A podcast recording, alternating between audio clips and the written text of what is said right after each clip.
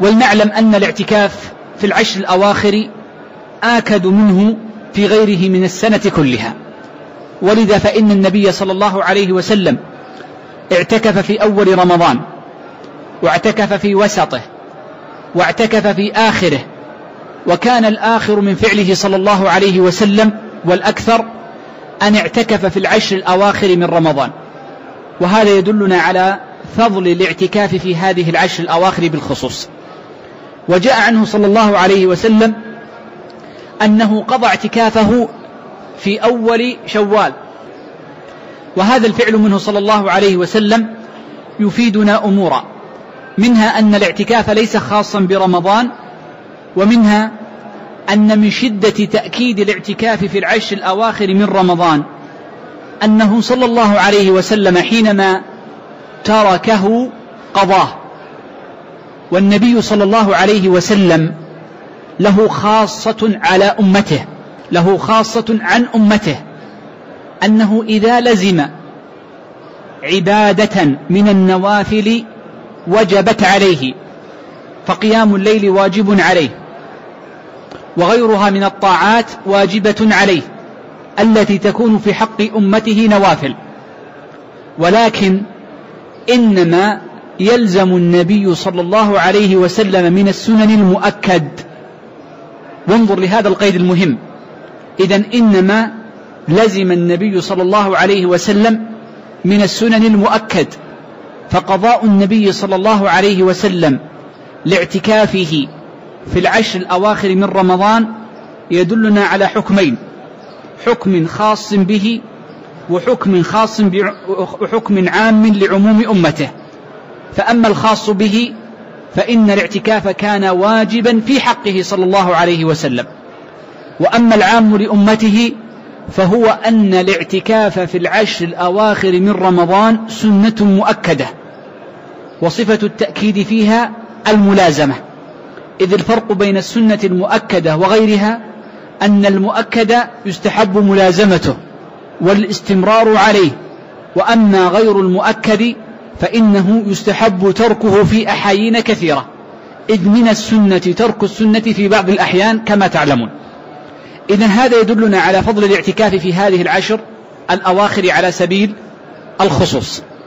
ومما يدل على فضل الاعتكاف على سبيل العموم أن كل من لزم المسجد فإن له أجورا مضاعفة كبيرة في لزوم المسجد.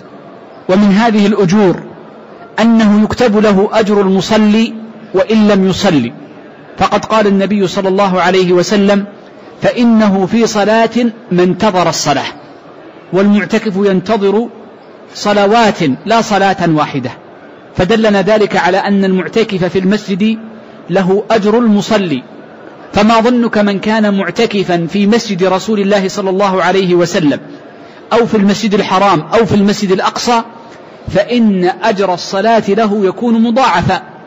إذ الصلاة في مسجد النبي صلى الله عليه وسلم بألف صلاة والصلاة في المسجد الأقصى بخمسمائة صلاة والصلاة في المسجد الحرام بمائة ألف صلاة. إذا فذاك المعتكف في هذه المساجد الثلاث له من الأجر العظيم ما الله به عالم. من الفضائل المتعلقة بمن لزم المسجد معتكفا أن ذاك الذي يكون معتكفا في المسجد تدعو له الملائكة. فتقول اللهم اغفر له اللهم ارحمه. فالمرء إذا انفتل من صلاته وبقي في مصلاه تدعو له الملائكة كما ثبت في الصحيح. تقول اللهم اغفر له اللهم ارحمه. ما لم يحدث. وقول النبي صلى الله عليه وسلم ما, ما دام في مصلاه. قال. قال شراح الحديث. إن معنى المصلى أو إن للمصلى معنيان كما أن للمسجد معنيان وللمقبرة معنيان. فالمعنى الأول يقصد بالمصلى في هذا الحديث أي المكان المحاط فيكون المعتكف داخلا في فضل هذا الحديث ولو قام من موضعه الذي صلى فيه. والأمر الثاني لمعنى المصلى أن المراد بالمصلى البقعة والمكان الذي صلى فيه. ومنه قول النبي صلى الله عليه وسلم جعلت لي الأرض مسجدا أي مكانا للسجود. فقوله في الحديث ما دام في مصلاه أي في المكان الذي صلى فيه أي البقعة الخاصة. وفضل الله واسع. ومن ظن بالله خيرا أعطاه الله ظنه وسؤله.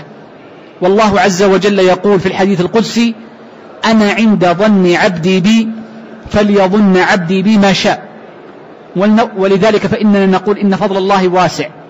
فمن لبث في المسجد معتكفا فإنه يؤجر أجر المصلي وتدعو له الملائكة ما دام في المسجد ولم يقطعه بخروج. إذا أيها الأفاضل هذا هو فضل من فضل الله عز وجل لمن اعتكف.